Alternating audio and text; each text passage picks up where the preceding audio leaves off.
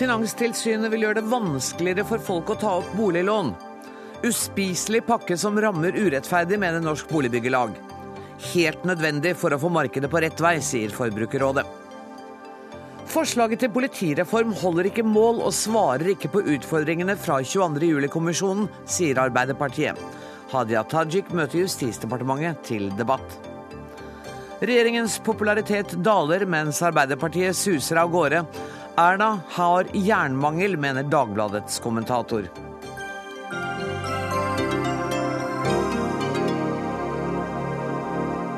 Dette er altså tirsdagsutgaven av Dagsnytt 18, der vi også skal høre at mens mange menigheter står uten prest, så velger stadig flere prester å bli spesialprester. Mer om det seinere. Først, det kommer til å bli vanskeligere å få lån, i hvert fall hvis Finanstilsynet får det som de vil. I dag la tilsynet fram sitt forslag til hvordan vi skal klare å bremse prisveksten på boliger. Annet må de som må låne mer enn 65% av verditakst, betale minst 2,5% av lånet hvert år. I tillegg vil tilsynet at det skal brukes mindre skjønn fra bankenes side. Morten Balsersen, direktør i Finanstilsynet, velkommen til Dagsnytt 18. Jeg så du rettet deg litt opp og hørte nøye etter hva jeg sa. Var det noenlunde riktig? Noenlunde. Ja, ok. Kan ikke du presisere? Det forslaget vi har lagt fram i dag, eh, bygger på de retningslinjene Finanstilsynet har fastsatt for bankenes utlånspraksis. Eh, men i den forskriften vi eh, da foreslår, så skal rommet for å avvike fra disse grensene som er fastsatt, bl.a. maksimal belåningsgrad på 85 for nedbetalingslån, ikke kunne fravikes av bankene. Så rommet for skjønn snevres inn. I tillegg så strammer vi litt inn på noen av disse normverdiene, bl.a. at eh, rammelån ikke skal kunne gå utover 65 av eh, boligens verdi mot 70% i retningslinjene.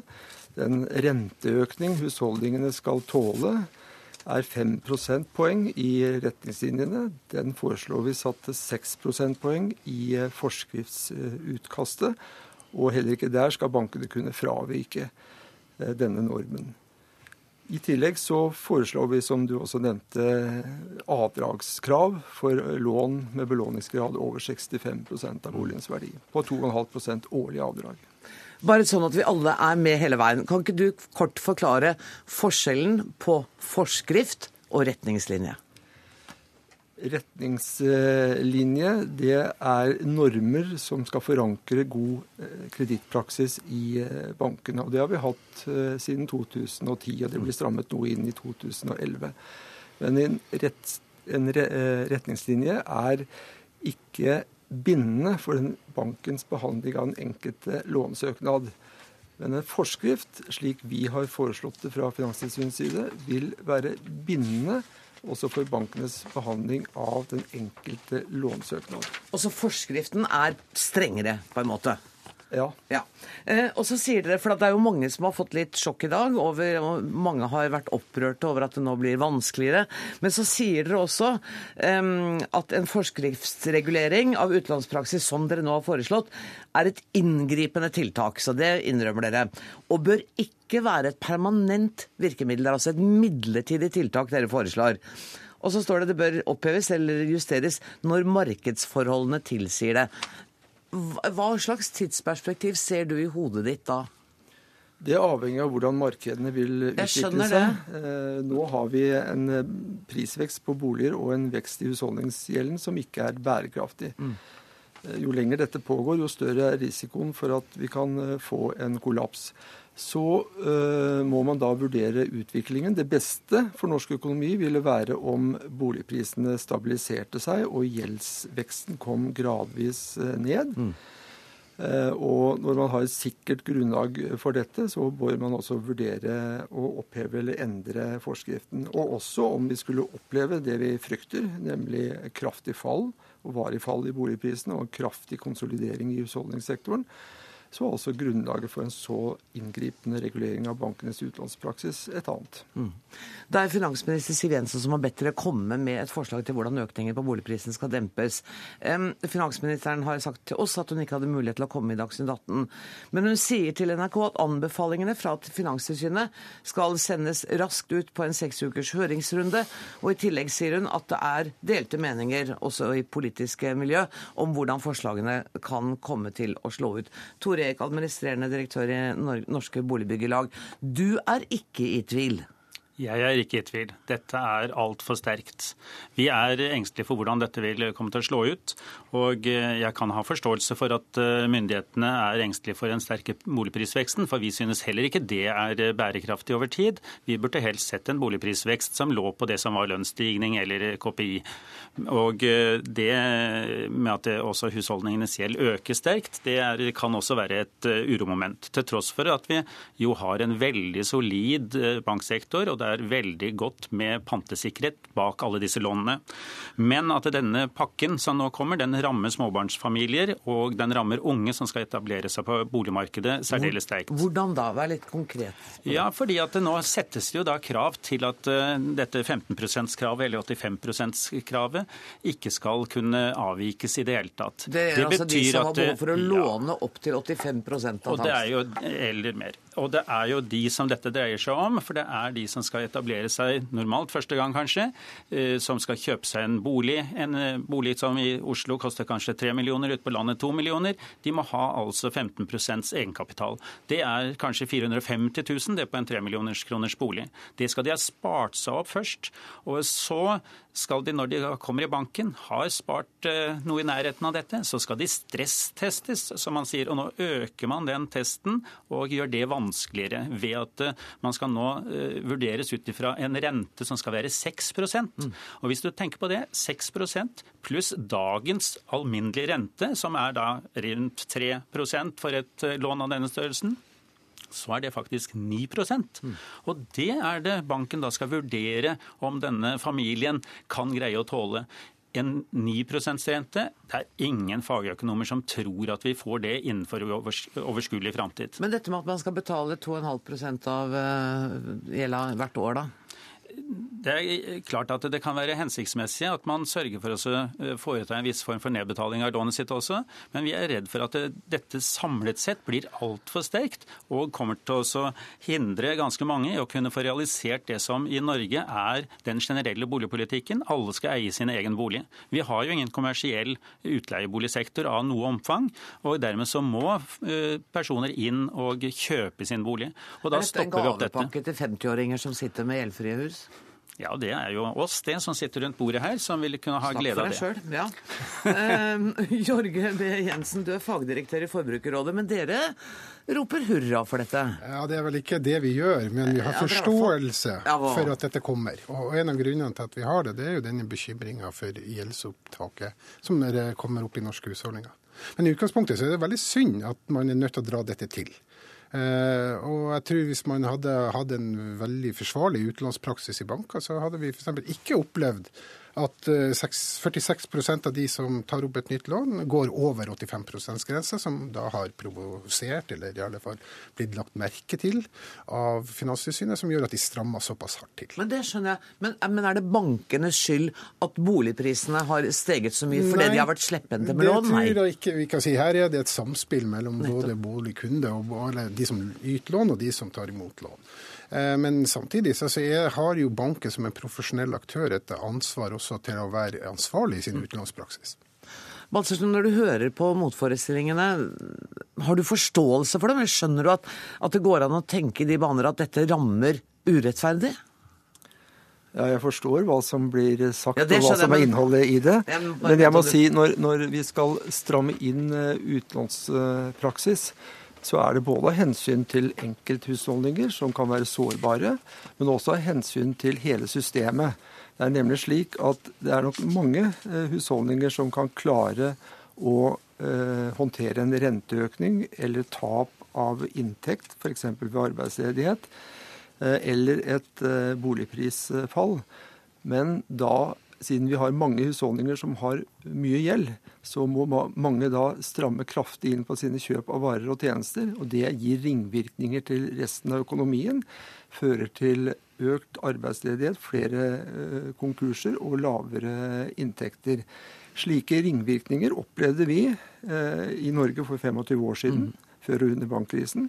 Man har opplevd det i Danmark og Nederland i nyere tid, og ikke minst Spania og Irland er også land som har eh, opplevd eh, dette. Så denne systemrisikoen er også en del av motivasjonen for disse tiltakene. Ellers så må jeg få si at eh, disse eh, begrensningene i skjønnsutøvelsen er eh, rettet inn mot å skjerme de som er mest utsatt. Og de som er mest utsatt, det er de som har minst buffere til å mm. kunne håndtere inntektsfall eller eh, renteøkning, eller har eh, såpass liten egenkapital at de vil bli hardt rammet dersom boligprisene skulle falle mye.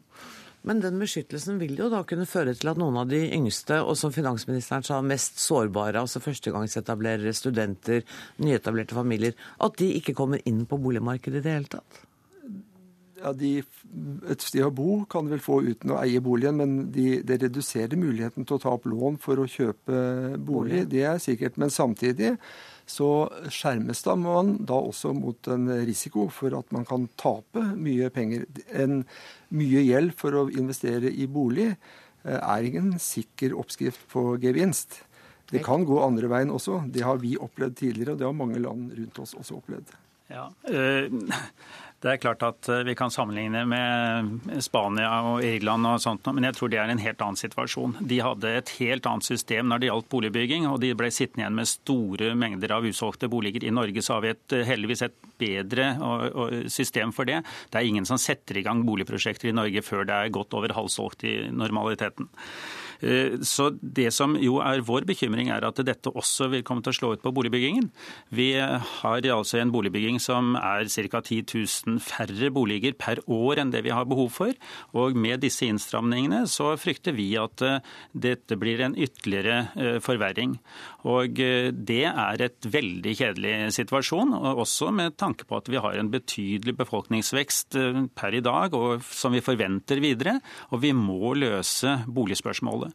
Og Det er først og fremst ved at eh, vi kan sørge for å bygge så mange boliger som mulig innenfor det som er behovet, og at vi da også kan sørge for at eh, det er kjøpere til disse boligene. Nå er det ikke alle de førstegangsetablererne som skal kjøpe den boligen, men de kjøper en annen rimeligere bolig, og de må sette i gang hjulet for at dette skal gå for at de noen gang skal komme inn i markedet. Jensen? Ja, men jeg tror Det er viktig å understreke at de som har liksom ansvaret for at vi får nok boliger, ikke nødvendigvis er Finanstilsynet. Altså, det er ikke de, de har en andre bekymringer. Det er jo finansiell stabilitet de er spesielt bekymret for. Og så er vi glad for at de er bekymra for husholdningene sitt gjeldsopptak.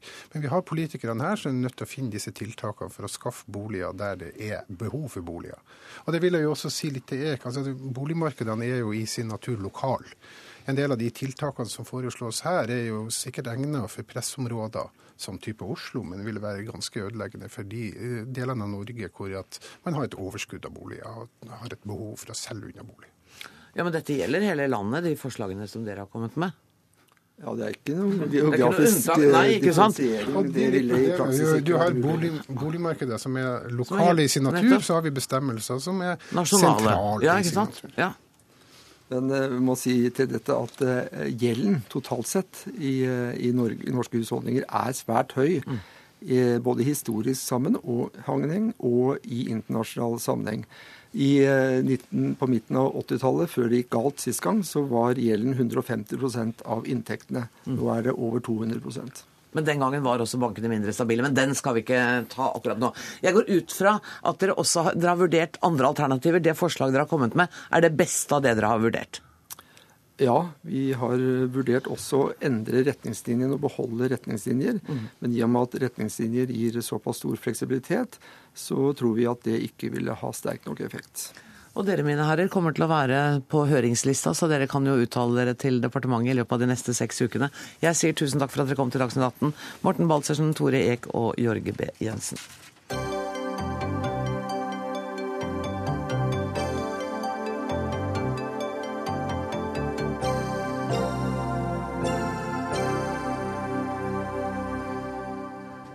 En enklere hverdag for folk flest og mindre unødvendig byråkrati. Ja, det var blant valgløftene til Fremskrittspartiet, men det var før de kom i regjering. Nå, snart ett og et halvt år seinere, vokser byråkratiet faktisk dobbelt så raskt som under de rød-grønne, melder TV 2. Og finanspolitisk talsperson for Arbeiderpartiet, Marianne Martinsen, du sitter her og godter deg litt nå, da? Nei, godte meg, det er feil ord å bruke. Eh, men det jeg mener, er at disse tallene avslører at alt dette pratet fra Frp om kamp mot byråkrati har vært rå populisme. Eh, litt på linje med, at alle bompenger skulle bort, og at mulla Krekar skulle settes på, på første fly. Og det de i realiteten har gjort, det er jo å mobilisere velgere på å nøre opp under en slags forestilling om, om at vi har en mastodont av et byråkrati i Norge som er befolka med ansiktsløse byråkrater som sitter der utelukkende nærmest for å gjøre folk, eh, folk, sine liv vanskeligere. Og Frp har aldri egentlig bidratt til å forklare at vi trenger en viss grad av byråkrati. At dette er folk som går på jobb og leverer tjenester til befolkninga som vi har, har bruk for. Så, så, det er jo en sjelden oppvisning i, å møte seg sjøl i døra vi er vitne til nå. Finanspolitisk talsperson for Frp.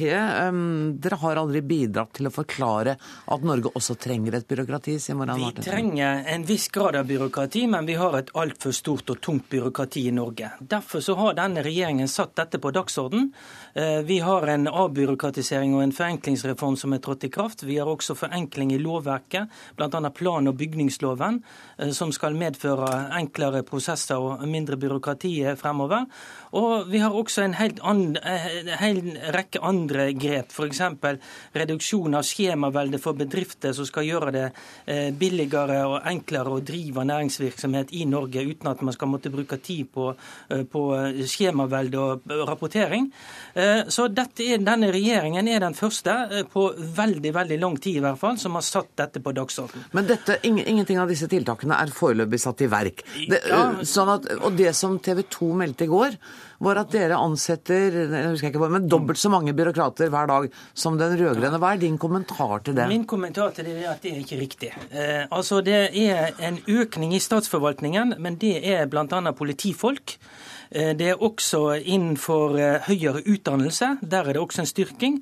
Og det er bl.a. en styrking innenfor samferdsel i forbindelse med at man har et rekordløft når det gjelder bygging av vei og bane i Norge. Så du mener statistikken er feil, men dette er den samme statistikken som dere brukte mot den rød-grønne regjeringa da dere var i opposisjon. Så at vi sammenligner faktisk pærer og pærer her, og ikke epler og pærer. Men hvis vi går litt dypere inn i dette her, og det kan godt hende at denne statistikken kunne vært liksom bedre forklarende og så videre sånn, og det noe som vi er nødt til å se på. Men hvis vi går inn og så ser vi på departementene, så ser vi at antall tilsatte i departementene det er redusert. Okay. Det er ganske ulik forskjell. I Finansdepartementet så er det en driftsbudsjett redusert med 3% I Kommunaldepartementet, Kommunal- og moderniseringsdepartementet så er det redusert årsverk med ca. 20 årsverk. Mm. Så der går det riktig vei. Men altså når det gjelder direktoratene og underliggende etater, altså så er det altså slik at når vi styrker politiet, styrker kampen mot kriminalitet, øke øker utsendelse av kriminelle utlendinger, så krever det altså flere politifolk. Og det er jeg veldig stolt ut av at denne regjeringa får til, og det er ikke det vi kaller for byråkrater. Mm. Altså, dette er ganske morsomt. fordi Det er jo som om bordet er snudd fullstendig i løpet av et par år. Det er helt riktig som programlederen sier her, at det er jo Frp sin egen definisjon av byråkrater som TV 2 har lagt til grunn når de har gjort denne utregninga. Eh, vi protesterte den gangen fordi at vi mente at det var en definisjon av byråkrati som var vel vi. Blant Bl.a. fordi at det tok opp i seg at vi, at vi mer enn dobla antallet politistudenter, og da trengte flere folk på Politihøgskolen. Og Det er jo noe av årsaken til at man nå kan ansette flere politifolk, som vi alle er veldig, veldig eh, for.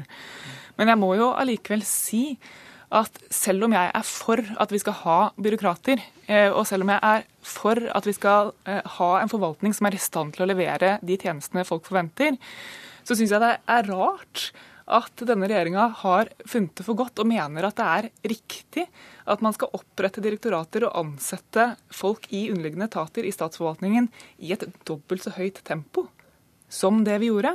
Og særlig når man legger den valgkampretorikken som ble ført til grunn. Mm. For her prøvde vi gjennom lang tid, gjennom en hel valgkamp, å utfordre særlig Frp på hvordan i all verdens rike de skulle saldere budsjettene sine når de lovte massive skattekutt og samtidig styrking av velferd. Og det var hele veien store kutt i byråkrati som var svaret på det. Mm.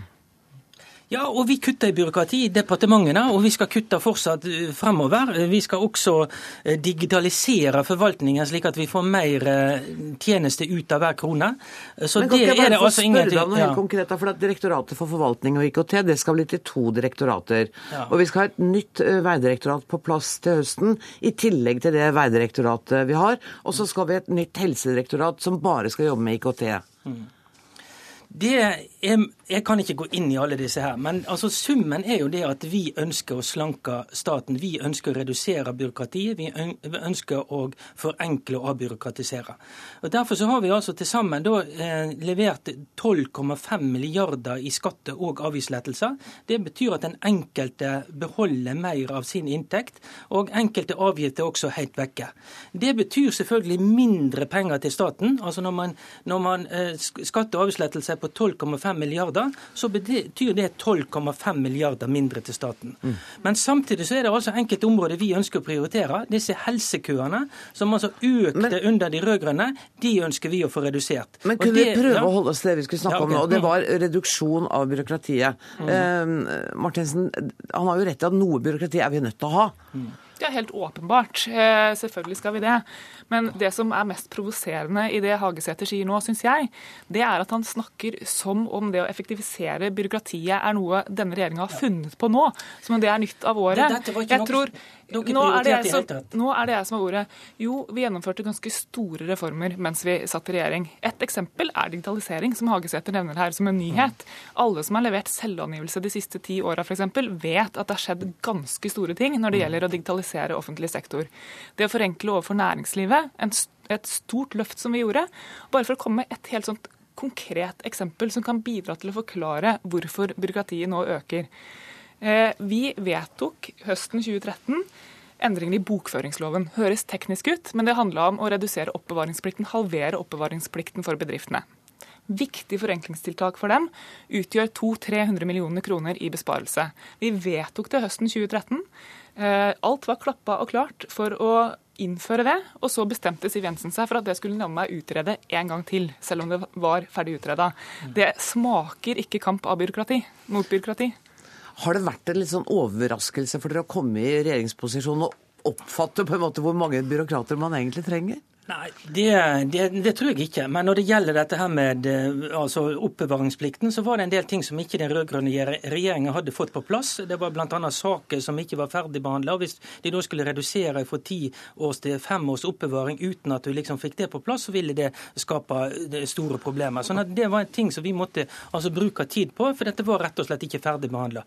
Men, men, men altså det er klart at denne regjeringen har satt dette på dagsorden ja, i langt større grad enn den, det enn den forrige. Men, men For at vi skal slippe å ha denne type forvirrende debatter om et år igjen, kunne man tenke seg at man ble enige om hvordan man definerte begrepet mm. byråkrater, sånn at dere ikke ble sittende og krangle om det var helsepersonell og politifolk som var med i beregningen? Kunne, man, kunne dere liksom se på det sammen? Det syns jeg er et godt innspill fra Norsk Rikskringkasting. Oh, det skal vi ta med oss videre. For det tror jeg det at disse, disse rapporteringene og disse måten man definerer dette på, det tror jeg er viktig. Og, og det er klart at politifolk er det veldig få som definerer som byråkrater. Mm. Og så vil jeg, men, men heller det at Når vi ser at det går ned med antall tilsatte i departementene, så mener jeg det viser tydelig at vi er på rett vei. Er du enig, ja, altså Det er godt at, at, Frp viser en viss grad av selvinnsikt når det gjelder det å ta kritikk på den definisjonen av byråkrati som de lagde. Men det jeg også mener er et viktig poeng her, det er at mye av den politikken som regjeringa har lagt opp til sjøl, bl.a. økt stykkprisfinansiering, mer bruk av konkurranse i offentlig sektor, i seg sjøl er oppskrift på mer byråkrati. Nei, det er mindre byråkrati. Å, og med den uenigheten kaster jeg dere ut av studiet. Tusen takk for at dere kom, Marianne Martinsen og Gjermund Hagesæter.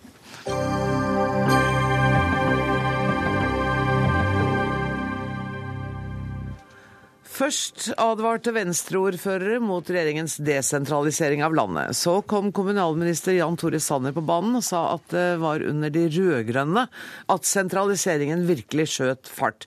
Og det fikk Senterpartiet til bokstavelig talt å se rødt. Og nå kaller dere regjeringen for tidenes sentraliseringsregjering. Eh, Senterpartileder Tyve Slagsvold Vedum, hvorfor det? Det er det dessverre ingen tvil om. Du ser det på politi, ser det på høyskole, ser det på skattekontor, du ser det på organisering av forskningsvirksomhet, du ser det på kommunesammenslåing. På alle samfunnsområder der regjeringa mener at de skal komme med en ny løsning, så er svaret det samme. Sentralisering, og så mener jeg også byråkratisering. Lage større enheter. og Det er, det er ikke det, det, svaret vi trenger. Vi må diskutere hvordan vi skal ta hele landet i bruk, og da er det ikke svaret sentralisering på absolutt alle områder. Men kan du ikke være enig med regjeringen i at noen reformer er helt nødvendige for å gi folk, oss vanlige folk, bedre tjenester? Altså, jeg er helt uenig i svaret. Fordi at eh, altså, Regjeringa har så veldig tro på bare hvis du får sentralisert politiet, for eksempel, så blir tjenestene automatisk bedre. Det vi har sett med en del av de tidligere den type prosesser, er at det blir mer byråkrati, større avstander og mer tungrodd. Men så er det selvfølgelig lett for en statsråd, for da viser han handlekraft, han viser at han vil noe nytt, han later som han er framtidsretta. Og så legger han på sånne type ord som nærpoliti. Eh, når alle skjønner at når du går fra 27 til 12 distrikt og skal legge ned en rekke politikontor, at det ikke er mer nært, det er mer fjernt, men de legger det inn allikevel. Også når du ser på skattevirkemidlene, så har det jo konsekvent straffa distriktsnæring som fiskeri, jordbruk, næringsmiddelindustri. De har straffa fylker som eh, Finnmark måtte ha fjerna Finnmarkstillegg. De har kutta marint verdiskapingsprogram for fiskerinæringa. Altså på alle mulige distriktstiltak har regjeringa konsekvent kutta og har ingen positive satsinger. Så vi har aldri hatt en så sterk sentraliseringsregjering noen gang, og det er jo en konsekvens av at vi har en regjering til høyre for Høyre. Frank Jensen, du sitter i kommunal- og forvaltningskomiteen for Høyre. Første reaksjon på dette? Ja, Den siste påstanden uh, tror jeg Slagsvold Vedum skal få uh, problemer med å dokumentere. fordi det, det, for å si det sånn, Han var selv medlem av en regjering som hvor vi har sett en sjelden sentralisering. Det er sjelden at vi under en regjering har sett en så stor f.eks. tilflytting til byer. Og Det er jo det vi må måle dette i. Hvilke resultater er det politikken skaper? Senterpartiet har ført, prøvd sin politikk. Sentraliseringa skjøt fart under Senterpartiet. Det som er det viktige for Høyre og for regjeringa, er jo først og fremst å legge til rette for en næringspolitikk som gjør at du kan ha flere lønnsomme bedrifter rundt omkring i hele landet. Et mer lønnsomt landbruk, mer lønnsomt oppdrettsnæringer, mer lønnsomme fiskerier, mer lønnsomt verfts- og uh, turistnæring rundt omkring i hele landet. Det er derfor vi også endrer formuesskatten. Er derfor vi avvikler arveavgifta, sånn at det skal bli lettere å drive næringsvirksomhet og vi legger til rette for. Og Det er det som egentlig er grunnlaget for uh, å få til bosetting rundt omkring i alle deler av landet, er jo at vi har en næringspolitikk som gjør det lønnsomt og interessant å skape arbeidsplasser rundt omkring i hele landet. Men blir det, altså det blir jo ikke noe mer turistsatsing når dere kutter tungt i Innovasjons Norges utenlandssatsing for, for, å reklamere for Norge, som har vært en stor suksess. Det blir jo ikke noe mer fiskerisatsing når dere kutter i en rekke av de virkemidlene som skal skape merverdier. Det blir ikke noe mer aktivitet i næringsmiddelindustrien når dere øker gebyrene og øker avgiftene for dem. Og så blir det jo veldig platt da, når det eneste forsvaret du har, er det som kommer med sånne halvvage påstander at det var så mye sentralisering under oss. Så ja, men Det var jo det, var det ikke det, da? Nå må, nå må min motdebattant klare å bevise det, da, at vi la ned politidistrikt, at vi skulle sentralisere skattekontor, at vi skulle legge ned forskningsinstitusjoner rundt omkring i Norge, at vi skulle slå sammen høyskoler. Vi, vi, skulle, vi gjorde ikke det. Men hvis, hvis målet på sentralisering er hvorvidt byene har vekst og landsbygda ikke har det, så har han jo helt rett. Altså, hvis du begynner med de tallene der, så kan du snu det helt motsatt òg. Altså, Oslo som by for eksempel, har jo hatt stor netto innenlands utflytting, mens de har hatt stor netto innvandring fra andre land. Men poenget er at du kan ikke misbruke tall på den måten som eh, Høyre her ønsker å gjøre. For vi har hatt en sterk vekst i store deler av landet de siste åra.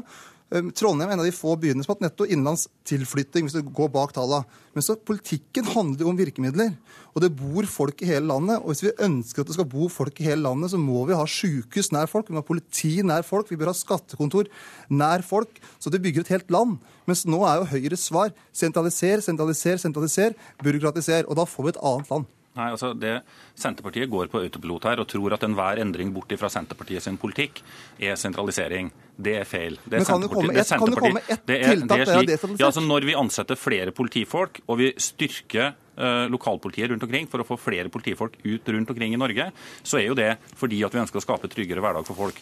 Når vi styrker næringspolitikken, så er det fordi at vi ønsker flere bedrifter som driver lønnsomt og gir arbeid til folk. Når vi styrker har rekordøkning i samferdselsbudsjettene, så er jo nettopp det fordi at vi mener at det skal være lettere og både trygg, trygt å transportere seg, ja, men også lettere for næringslivet å transportere laksen fra Hitra og Frøya, få den raskt ut på kontinentet. Den har det travelt, den døde laksen. Den må komme seg fort fram til kundene. Og Det er sånn vi skaper og bygger ja, men... uh, distrikts Norge også. Den aller viktigste distriktspolitikken det er den Vedum og Senterpartiet hopper bukk over. Nei. Det er nemlig den politikken som legger til rette for mer lønnsomhet i norske bedrifter, som gjør det mer attraktivt for gründere å etablere seg, og gjør det mer attraktivt å skape arbeidsplasser som er interessant for ungdom og folk rundt omkring i landet. Mm. Så skal vi ha en sterk offentlig sektor også. Vi skal ha sterke kommuner, sterk offentlig sektor. Vi skal ha sykehus i hele landet, politi i hele landet. Selvfølgelig skal vi det. Det høres ut som en valgkamptale, men, men la, la Vedum få lov å svare på det ene. At du har hoppa over det poenget som eh, handler om at det skal være inntjeningsevne, og det skal være interessant for unge gründere, og det skal være godt å etablere seg. Ja, og Da er det jo veldig rart at uh, Høyre i sine to første budsjett har kutta en halv milliard kroner nettopp til uh, gründere, til folk som har nye ideer og bedre løsninger. Det har dere valgt å kutte i. Som er klassisk distriktssatsing for å få fram nye arbeidsplasser. Dere har da, og så har dere økt avgifts- og skattebelegginga for veldig mange distriktsnæringer. Uansett hva du sier, så er jo det et faktum. Og så er det jo da lett å si at man skal ha en aktiv distriktspolitikk når dere kutter i alle virkemidler, og så har dere ett svar. Og det er kutt i formuesskatt. Og det skal dere ha. Det har dere fått til.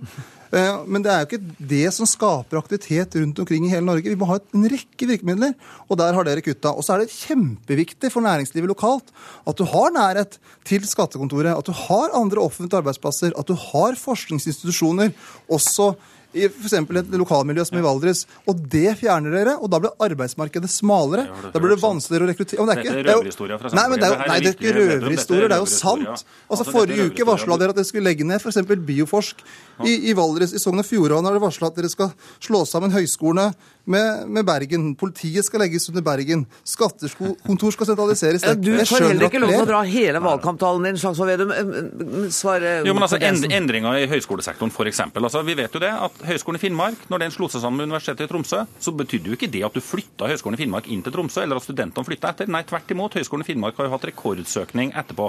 Det er faktisk mulig å gjøre endringer som styrker både utdanningsinstitusjoner, offentlige institusjoner rundt omkring i hele Norge, samtidig som de gjør endringer. Endring betyr ikke sentralisering. Men nå satser vi på næringspolitikk og bedre samferdsel, sånn at vi får styrka vekstkrafta i hele landet. Helt til slutt deg, Frank Jensen. Uh, må være stille litt nå, Trygve Slagsvold Vedum. Uh, altså, sentralisering og effektivisering, er, kan dere ikke stå for det? Er ikke det god høyrepolitikk, da? Jo, men norske byer kommer til å vokse i fremtida også. Ja. Det det handler om, er at vi både må sørge for at byene er i stand til å håndtere vekstkrafta, ved at vi uh, sørger for at de får lov til å bestemme mer når det gjelder bolig- og næringsutvikling og transport, men også at vi har en politikk som sørger for at vi får vekstkraft i distriktene. Og det er faktisk sånn at de mest sårbare bedriftene våre har vi rundt omkring i Distrikts-Norge. Vi kan ikke ha en næringspolitikk som straffer det å drive næringsvirksomhet. Vi må faktisk gjøre det mer lønnsomt og mer attraktivt å drive privat næringsvirksomhet rundt omkring i hele Norge. Trygve Slagsvold Vedum, Høyre vil ha vekstkraft i distriktene. Du burde jo bare juble. Ja, men det er jo bare ord. Man, okay. og så er det jo, altså, var det jo Venstre Nei. som starta denne debatten. For at Venstre lokalt i Sogn og Fjordane, Høyre lokalt i Sogn og Fjordane reagerer med vantro på det som nå skjer. Ok. Tusen takk skal dere ha til Frank, Frank Jensen og til Trygve Slagsvold Vedum.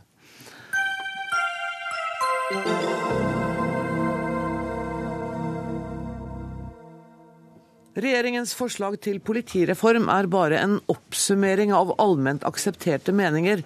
Det eneste som er nytt, er inndelingen i nye politidistrikt.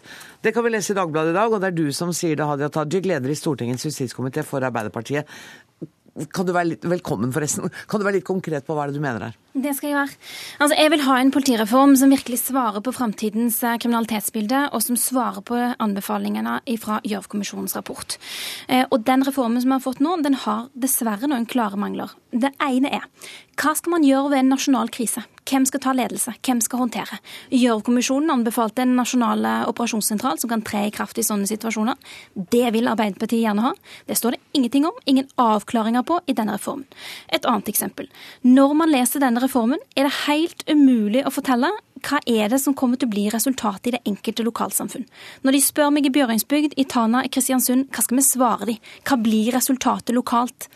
Det tredje er at Gjørv-kommisjonens hovedkritikk handla om at det som skilte det som fungerte, fra det som ikke fungerte, var kultur, holdninger og lederskap. Det var hovedkritikken. Det betyr at politireformens tyngdepunkt burde ligge her. Men politireformen har da altså under to sider under to sider om kultur og ledelse. Vidar Brein Karlsson, statssekretær i Justis- og beredskapsdepartementet. Hva svarer du på kritikken? Nei, jeg synes først og fremst at Det er synd at lederen av eh, justiskomiteen på en måte har satt seg på utsida som en sånn sutrete kommentator istedenfor å bidra i den, den, veldig viktige debatten for norsk politi og for norsk eh, justissektor. Det presenteres altså ikke løsninger i det hele tatt. Nå hørte vi litt om den her eh, nødmeldesentralen, eller den sentralen for operasjonssentralen for politiet. Utenom det så hører vi ingenting. Vi hører surmaga kritikk og, og, ikke noen løsninger. Vi har invitert Arbeiderpartiet til å være med og utmeisle denne, eh, denne eh, reformen i forhandlinger med oss fra starten av. Det sa de nei takk til. Så har de sagt at de skal bidra eh, konstruktivt fremover. Når saken kommer til Stortinget, så legger vi den frem for Stortinget. Det er fortsatt bare liksom å sitte og kommentere på utsida, og ikke presentere løsninger.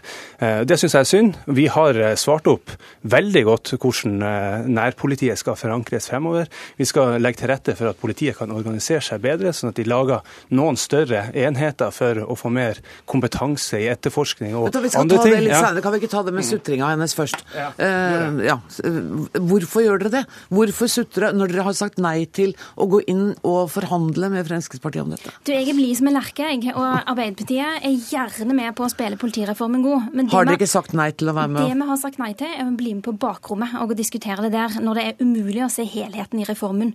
Men når reformen er lagt fram, så har vi sagt hele tiden legg den fram, så skal vi se helheten. Så vil vi gjerne spille den god på Stortinget. Nå er, det jo veldig, nå er det jo veldig synd at de har brukt ett og et halvt år på å legge fram et produkt som er så svakt.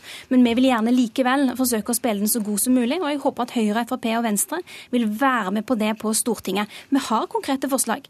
Og dette med nasjonal operasjonssentral, dette snakket vi om allerede høsten 2013. Mm. Og la det fram som en forventning. Og da pekte justisministeren på politireformen og sa at vi får se når politireformen kommer. Så har den kommet, og der er det ikke avklaringer på nasjonale kriser og hvordan de skal ledes. Det er fire år siden 22.07. Jeg hadde regna med at man hadde et klart svar på hvordan man skal håndtere hvis det skjer en krise i Oslo, i Bergen og Nord-Norge samtidig. Det skriver de ikke tydelig svar på. Nei, det er for så vidt riktig at akkurat den problemstillinga er ikke berørt i, i, i, eh, politireformen. Og der er det også gjort et arbeid i Politidirektoratet som vi også ser opp imot den kritikken som kom i, i uh, Gjørv-rapporten. Men, men uh, vi hører altså ikke noe om hvordan du vil gjøre noe med ledelse, kultur og holdning. Vi hører ingenting om hvordan du vil sikre nærpolitiet, som du bare spør om og stiller deg aktivt undrende til, og sånne type uttrykk. Vi, det hadde vært greit å få frem liksom, hva som er forslagene her. Så kunne vi ha ha tatt en reell diskusjon, istedenfor at du bare står på sidelinja og, og eh, kritiserer. Det er helt supert at han vil ha enda flere konkrete forslag. For jeg mener at Noe av det viktigste man gjør når det handler om kultur og ledelse, det er jo akkurat det å klargjøre roller og ansvar, sånn at ansvarlige folk ikke går i beina på hverandre når krisen er der, sånn at ansvar ikke pulveriseres. Nasjonal operasjonssentral med en klar, eh, altså klar, definisjon på hvem som tar ledelse, ville vært et svar på det. Ja, på et det, annet... men ikke på den generelle ledelsen. Det er kun det hun har lyst til å, å, få frem her. Men, det, men det er et viktig moment. Vidar, hvis du er interessert i flere momenter, så kommer jeg gjerne med det. Da er det en klar fordel ikke avbryte meg mens jeg et resonnement. Men andre eksempler. Klare kompetansekrav til etterforskerne. Klare kompetansekrav til etterforskningslederne. F.eks. å ha et fast evalueringsutvalg som består av representanter fra blålysetatene. Fordi man ser at eh, kulturen for erfaringslæring, altså når det skjer en katastrofe, at man lærer av hva var det som gikk galt der, at man ikke begår de samme tabbene om igjen og om igjen. Det å ha f.eks. et sånt fast evalueringsutvalg ville vært ett svar på det. Vi så jo etter brannen i Lærdal. Og før, før hele brannen var slukka, så var jo statsministeren og justisministeren der og sa at dette er historien om ressursene som fant hverandre. Altså, De konkluderte på et tidspunkt der fakta ikke engang var på bordet. Og da bidrar ikke de til en kultur for erfaringslæring. Jeg vil ha denne type konkrete tiltak. Ja. Nå har vi lagt inn eh, at det, for det syns jeg er et godt poeng. Vi, vi, skal, eh, eller Politiet bør være bedre på å, er, eh, på å, evaluere ulike hendelser, både de gode og de dårlige, og se hva som har fungert. Det, Så du kan også, tenke deg et fast evalueringsutvalg? Ja, altså vi har i hvert fall lagt inn at det bør være en del okay. av etaten fremover. Dere har ikke bør, skrevet at dere ønsker et fast evalueringsutvalg? Nei, ikke et fast evalueringsutvalg. Og det må vi også kunne ha tillit til at politiet kan finne ut hvordan driver man best erfaringslæring. Men det vi har konkret konkretisert i avtalen med Venstre og i denne eh, reformen vi har lagt frem for, for, Stortinget, det er jo at det bør være, eller skal være en del av eh, hvordan politiet lærer fremover. I tillegg til det så har vi også eh, lagt til rette for at det skal, at det skal rekrutteres fra mye bredere, ikke bare politifolk, jurister.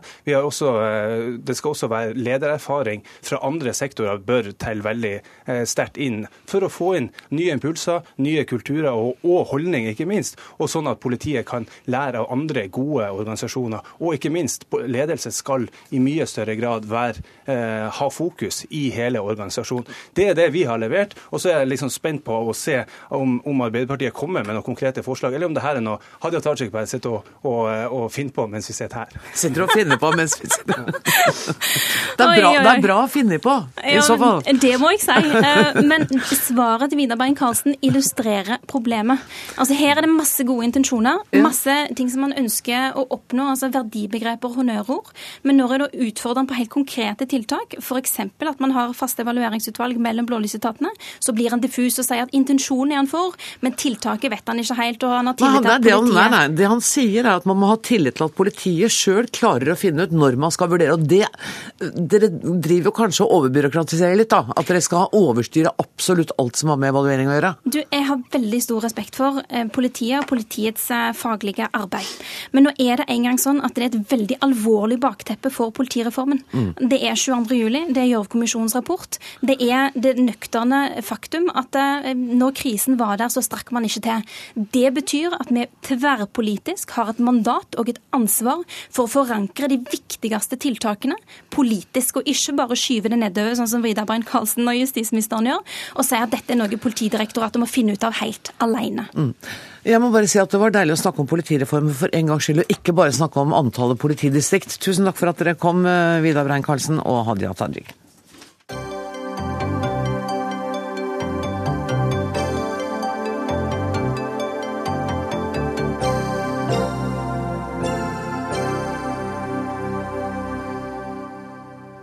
Erna Solberg strever fordi hun leder en unaturlig koalisjon, og nå viser Erna jernmangel. Sånn beskriver Dagbladet de blå-blå sitt fall i popularitet ett og et halvt år etter at de kom til makta. Kommentator i Dagbladet Jon Egeland, er det bare Erna sin feil? Det er, det, det er, for stort politisk spenn i regjeringen. Det er derfor jeg kaller det en, en unaturlig koalisjon. Eh, det er for mange åpne konflikter og prosesser som eh, gjenspeiler indre, en indre spenning. Mm som gjør at eh, Erna Solberg har problemer med å lede denne regjeringen ut fra en strategi og en tydelig visjon. Og selv om hun har mange gode egenskaper som, eh, som, som statsminister, så, så, ser vi liksom at denne raske, det som skulle være den raske reisen til julestjernen, den har på en måte fislet ut som en, en nyttårsrakett. Uh, og det har å gjøre med, at, uh, med spennet, f.eks. de sterke motsetningene som du ser f.eks. i miljøvernspørsmål og eh, flyktning- og asylspørsmål mellom støttepartiene Venstre Kristelig Folkeparti og, og Fremskrittspartiet. Harald Stangel, redaktør i Aftenposten. Dere publiserte en måling i dagens papiravis som viser at 33 av velgerne nå mener regjeringen har gjort en dårligere jobb enn forventet. I fjor var det bare 17% som sa det samme. Er du overrasket over den målingen? Ikke så veldig, fordi at politikk det har med straff og belønning å gjøre, men det har også med forventninger å gjøre. Og det er klart at eh, regjeringspartiene har mista ganske mange velgere. Og det er jo det klareste tegnet på at forventningene blir ikke innfridd.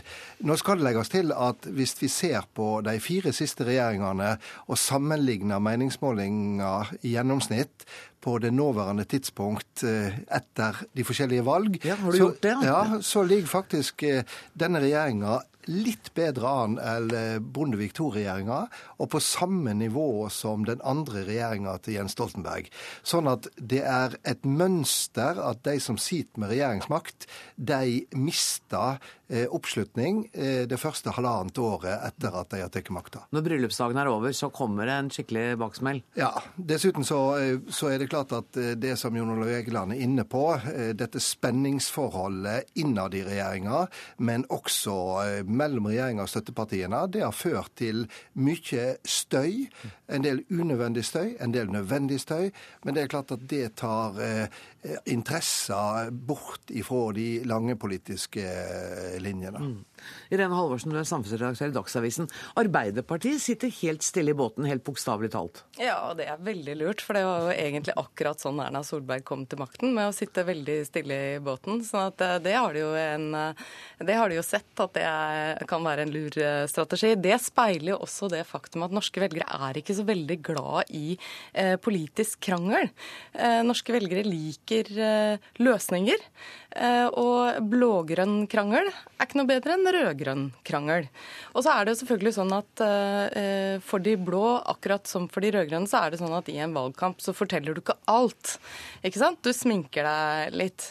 Og så når du står opp da mandags morgen, så ser det liksom litt annerledes ut. Sånn at Høyre framsto som det arbeidspartiet. ikke sant? De skulle, gjøre, de skulle justere litt, men ikke så veldig mye. Mm. Dette var ikke farlig. Og da tror jeg at velgerne tenkte som så at nye ideer og bedre løsninger det høres jo ganske bra ut. men når de nå våkner opp til mindre trygghet og dårligere råd, så var det liksom en litt annen pakke enn det mange trodde de stemte på. Så tror jeg også at disse tallene til Aftenposten speiler det at 2013 ikke var et verdivalg som sådan. Eh, det var ikke sånn at norske velgere ønsket seg helt, helt andre politiske verdier eh, flyttet på den aksen. De, jeg tror de ønsket en justering. Litt lei av Jens? Ja, altså vel, norske velgere er ikke så veldig takknemlige. og De blir litt fort lei, litt matlei. Og dette var ikke et verdivalg. Det var mer et sånt Kan vi justere kursen litt? Kan Erna få til det hun lover med mer forskning, innovasjon og dra Norge ut av oljealderen? Vel, da høres det ganske bra ut. Da ligger, et, da ligger et, Dette er jo en av hovedproblemene. fordi regjeringen har åpenbart et mer blått program enn det velgerne ønsker og forventer. Mm. Altså, Regjeringen har fått et parlamentarisk mandat til å føre den politikken som de fører.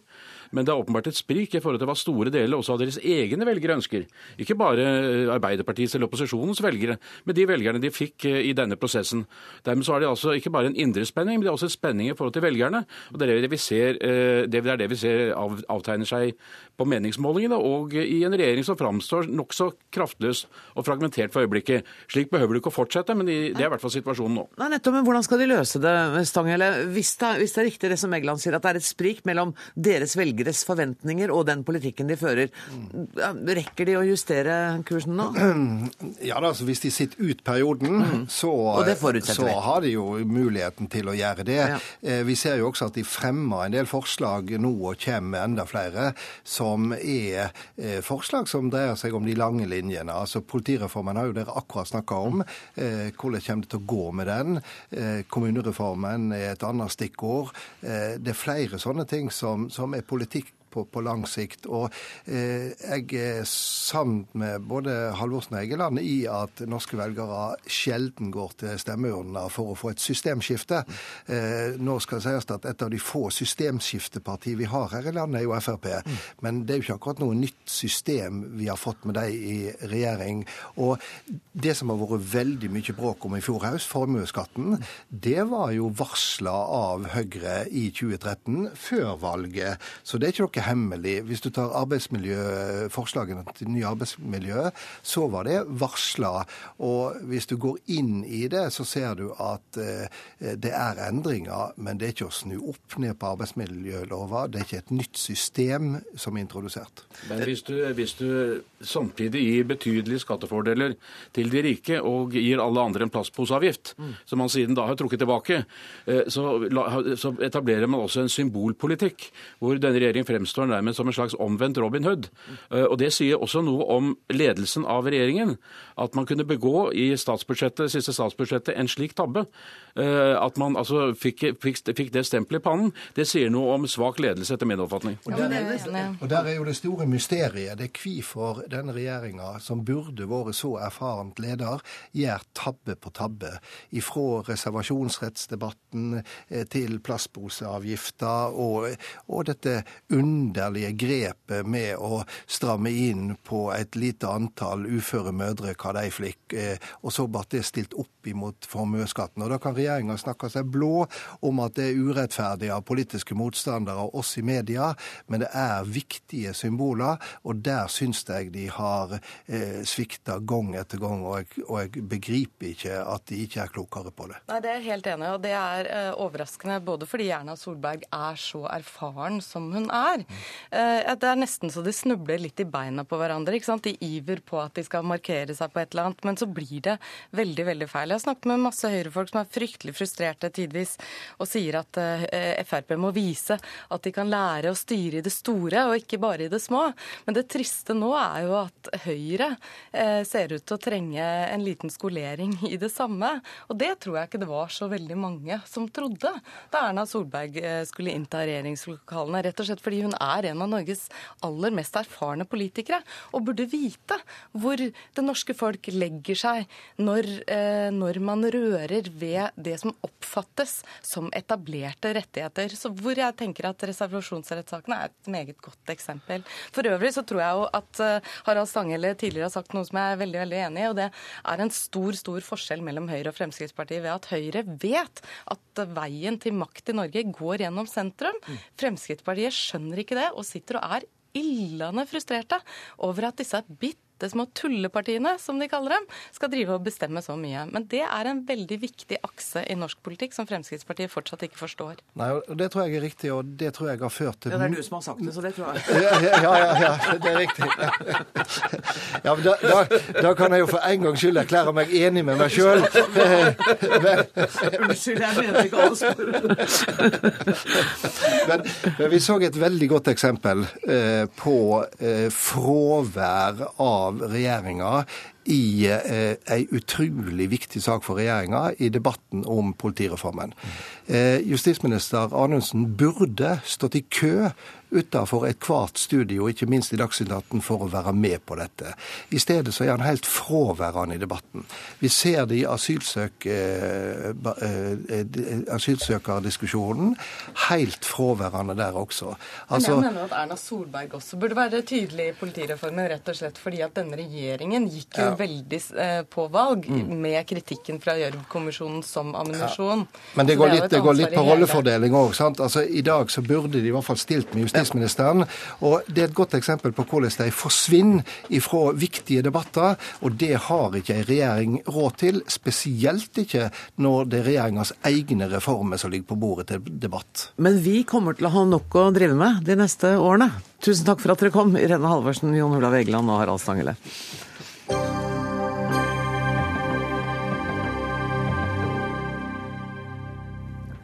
Skiprest, fjellprest, flyplassprest og nettprest. Det blir stadig flere spesialprester i Den norske kirke. Hele 400 ifølge en grovtelling som Vårt Land har foretatt. Nå roper biskop i Nord-Hålogaland varsku. For samtidig med at dette skjer, så sliter mange lokalmenigheter med å få ansatt en menighetsprest. Og biskop Olav Øygard i Nord-Hålogaland, hvorfor er du bekymret over dette? Er bekymra over det fordi at samtidig som vi registrerer at det er blitt mange spesialprester, så sliter vi med å skaffe prester til menighetene. Og, og, og, vi sliter mer for hvert år. Og, eh, Det er tross alt eh, det er prester det er snakk om, enten man skal jobbe som spesialprest på et eller annet smalt felt, eller man skal være vanlig menighetsprest. Så er det den samme gjengen man må samle blant. Mm. Og vi har jo eh, mange prester som går av med pensjoner, og vi har ikke så mange som eh, er på utdanningsinstitusjoner. Så dermed så er jeg bekymra. Hvor stor er prestemangelen nå i de normale menighetene?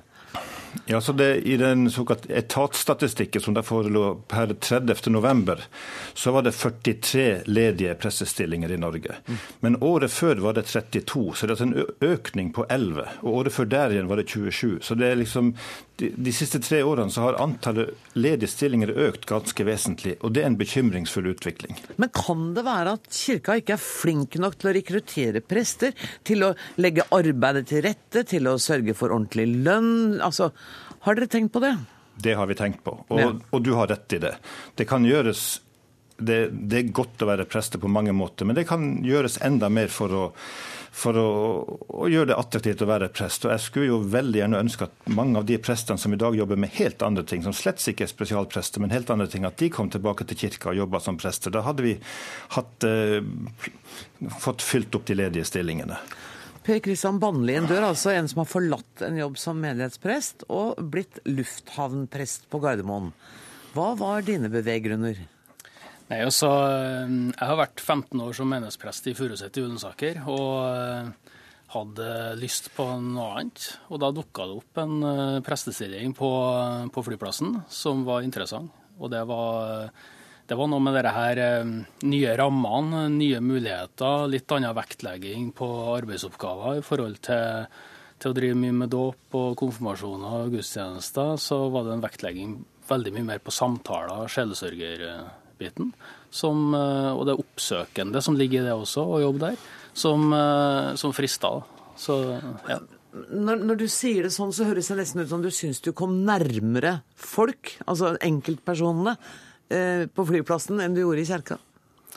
Eh, ja, det tror jeg kanskje ikke stemmer. fordi at, I hvert fall ikke min opplevelse er ikke okay. sånn. Men, eh, men, men du sier liksom at det var bryllup og begravelse ble du liksom ja. ja. men det er en annen inngang likevel. Mm. Fordi at, og veldig ofte i, i menighetspreststilling så er det gjennom de her kirkelige handlingene.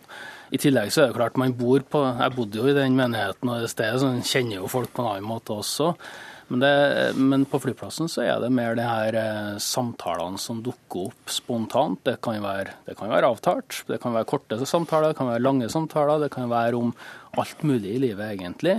Om jobb, om fritid, om familie og osv. Og, og folk, eh, en god del, kommer og tar kontakt, og så er jeg også oppsøkende i det. Og det, det er veldig spennende å være prest der òg. Men hvem er du flyplass, flyplassprest for? Er det for de som jobber der, eller er det for reisende? Det er for alle som beveger seg på flyplassen. Det er jo 15 000 ansatte som eh, jobber der, i ca. 200 forskjellige bedrifter. Og det er over 90 000 reisende enkelte dager. Mm. Det, men i hovedsak så blir det ansatte som tar kontakt, og det er dem som på en måte er der. Og det er der det går an å skape relasjoner i størst grad. Biskop Øygard, jeg går ut fra at du også syns det er flott at det fins eh, prester der hvor folk er, og ikke bare i kjerka? Jeg syns det er kjempeflott at vi har flyplassprest, og at vi har sykehusprester og fengselsprester. Og, altså, jeg har ingenting imot at vi har mange spesialpreststillinger, men jeg tenker nå, nå begynner det å klare seg i forhold til antallet vi har av faste pressestillinger. Hvis det er riktig at det er ca. 400 spesialprester i Norge, og så er det litt over 1200 vanlige menighetsprester, så det betyr at sånn ca. hver fjerde prest i dag er en spesialprest.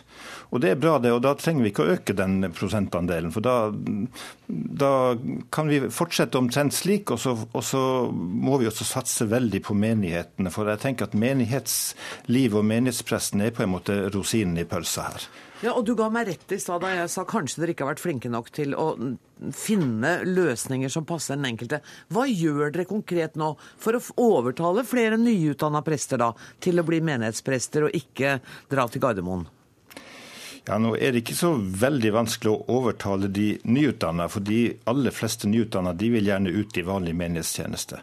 Og, og, og, eh, så Det som vi legger veldig vekt på, det er å legge forholdene til rette, slik at folk kan fortsette å være i tjeneste. Og den store konkurransen for oss er jo ikke først og fremst at de blir spesialprester, men det er at de, at de gjør helt andre ting. At de går ut av ja, presteyrket ja. i det hele tatt. Men eh, det som er enda viktigere for oss når det gjelder rekruttering, det er jo å få folk til å begynne å studere teologi med tanke på å bli prest. Og noe av det som redder oss nå, det er at det er ganske mange som starter en sånn second career når de er sånn i 40-50-årene. Så finner de ut de vil bli prest. Og så uh, omskolerer de seg, og så kommer de og blir prester. Og det er jo kjempe, kjempeflott. Bannlien, hva skulle vært til for at du skulle fortsatt som menighetsprest, tror du? Nei, altså Jeg hadde det så bra som jeg kunne ha det i den jobben i Furuset i Ullensaker. Jeg tror ikke det går an å finne noe mye mer bedre arbeidsplass egentlig som prest. Så, så, det, så det, er ikke det det dreier seg om. Det er ikke det det dreier seg om, egentlig. Det 15 år der, og nye utfordringer var det som på en måte lå i det. Og det er noe med å skifte jobb noen ganger i løpet av arbeidslivet. Men jeg, jeg tenker at eh, jeg egentlig er veldig glad for at uh, Olav Øygard tar opp det her, for det er på tide at noen sier det litt høyt. Mm. Fordi Dette er jo noe som man kanskje på en måte har visst i noen år, at mange blir pensjonister av store kull når det gjelder prester i løpet av ganske kort tid. Det er det ene og, og det andre, at det er en flukt fra presteyrket. Ikke flukt, men ja. mange går over til andre yrker. Også, ja. Og jeg tenker at uh, fra toppen i kirka så er det på tide at man på en måte gjør litt mer uh, for å for å gjøre noe med det her, for å få flere prester i stillingene. Og eh, rett og slett jobbe både med rekruttering og at det blir bedre forhold for prestene, og jobbe mange plasser. Olav Øygard, den må du ta med deg, den oppfordringen. Den tar jeg gjerne med meg, og, og, så jobber vi det vi kan for at det skal være godt å jobbe hos oss. Og, og det er det, og det skal det fortsatt være. Tusen takk for at dere kom til Dagsnytt 18, Per Christian Bandlien og Olav Øygård. Dermed er denne sendinga slutt. Ansvarlig for Dagsnytt 18 i dag var Alf Hartken. Det tekniske ansvaret har eh, Finn Lie. Jeg heter Anne Grosvold, og vi høres og ses i morgen til samme tid. Takk for nå.